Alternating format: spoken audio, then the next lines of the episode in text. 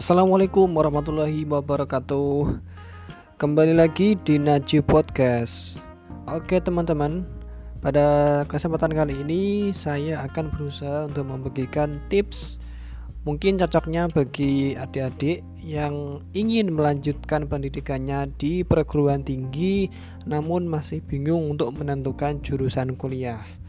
Nah, dari pengalamanku sendiri, boleh dibilang aku gimana ya, cenderung agak lalai dalam hal ini karena dulunya aku sudah berpikir bahwa pilihan jurusan yang aku pilih itu benar-benar sesuai gitu ya. Nah, tapi memang kadangkala dalam perjalanan itu ada hal-hal yang mungkin seharusnya dulu kita bisa pertimbangkan. Jadi untuk teman-teman adik-adik di sini yang mendengarkan podcast ini, saya harap kalian mencermatinya dengan baik-baik karena bisa jadi dari kelima tips yang akan saya bagikan ini Semoga satu di antara kelima hal ini bisa Anda praktekkan dengan baik ya. Oke, tanpa berlama-lama lagi ini dia 5 tips menentukan jurusan kuliah gitu ya. Yang pertama yaitu tentu saja harus berdoa kepada Tuhan ya apa pun yang akan kita lakukan, apa pun yang akan kita kerjakan sangat-sangat dianjurkan bahkan menurut saya suatu kewajiban untuk kita memohon berdoa kepada Tuhan kita, ya kan? Bagaimanapun sebagai ciptaannya kita wajib untuk meminta pertolongan entah itu petunjuk, kekuatan, kemudahan, kelancaran dan sebagainya urusan-urusan kita. Yang kedua yaitu tentu saja teman-teman harus realistis ya. Coba teman-teman lihat rapotnya ya. Kalau rapot adik-adik ya, saya panggilnya adik-adik aja ya. Kalau rapot adik-adik misalnya e, menunjukkan bahwa di beberapa mata pelajaran adik-adik itu mendapatkan nilai yang cukup bagus, maka bisa jadi di pelajaran itulah adik-adik bisa menentukan jurusan kuliahnya gitu. Ketiga yaitu bisa juga dengan cara e, menentukan apa yang teman-teman sukai dan bisa. Jadi orang sering mengatakan kalau kata Mas Panji, Mas Panji Pragiwaksono ya, adik-adik pasti mungkin sudah sering mendengarnya. Salah seorang stand up komedian sukses di Indonesia.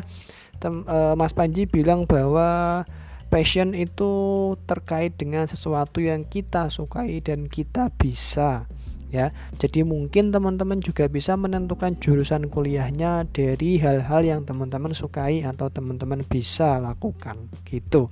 Oke, nomor 4 jangan lupa kalau teman-teman masih ada bapak, teman-teman masih ada ibu, jangan lupa untuk konsultasi, jangan lupa untuk minta saran nasihat kepada kedua orang tua. Ini penting sekali teman-teman ya, karena ridho Allah juga terletak pada ridhonya orang tua. Jadi teman-teman pastikan kalau teman-teman masih punya orang tua, teman-teman konsultasikan dengan mereka berdua. Terakhir nomor 5 tips nomor 5 yaitu jika teman-teman ada dana, ada uang ya, teman-teman bisa coba untuk yang namanya tes talent mapping. Ini tes bagus sekali. Ini tes yang diciptakan uh, mungkin bukan diciptakan tapi digagas oleh uh, Abah Ramaroyani salah seorang pakar talent mapping ya di Indonesia. Teman-teman bisa cek di Google ada tesnya yang free ya. Coba teman-teman adik-adik sorry adik-adik itu cobalah ya, yang free dulu ya. Nanti adik-adik baca semuanya itu. Nanti kalau adik-adik merasa bahwa hasil tes tersebut uh, memberikan sesuatu insight atau referensi bagi adik-adik maka coba kalian ambil ya sisi-sisi yang mana itu mungkin bisa kalian gunakan untuk menentukan jurusan kuliah. Bagusnya sih kalian itu bisa coba yang berbayar. Kalau dulu kakak membayar sebesar satu juta rupiah itu budget yang paling tinggi satu juta rupiah kalian bisa tes dua kali dan juga kalian mendapatkan yang namanya pendampingan untuk mengetahui memahami apa-apa saja bakat-bakat terpendam yang diberikan oleh Tuhan kepada kalian. Ya, oke okay, gitu aja tips kali ini untuk menentukan jurusan kuliah. Yang pertama tadi berdoa kepada Tuhan, yang kedua realistis lihat raport Anda, ketiga cari apa yang Anda sukai dan Anda bisa, keempat konsultasikan dengan orang tua dan yang kelima coba untuk ikut tes balance mapping.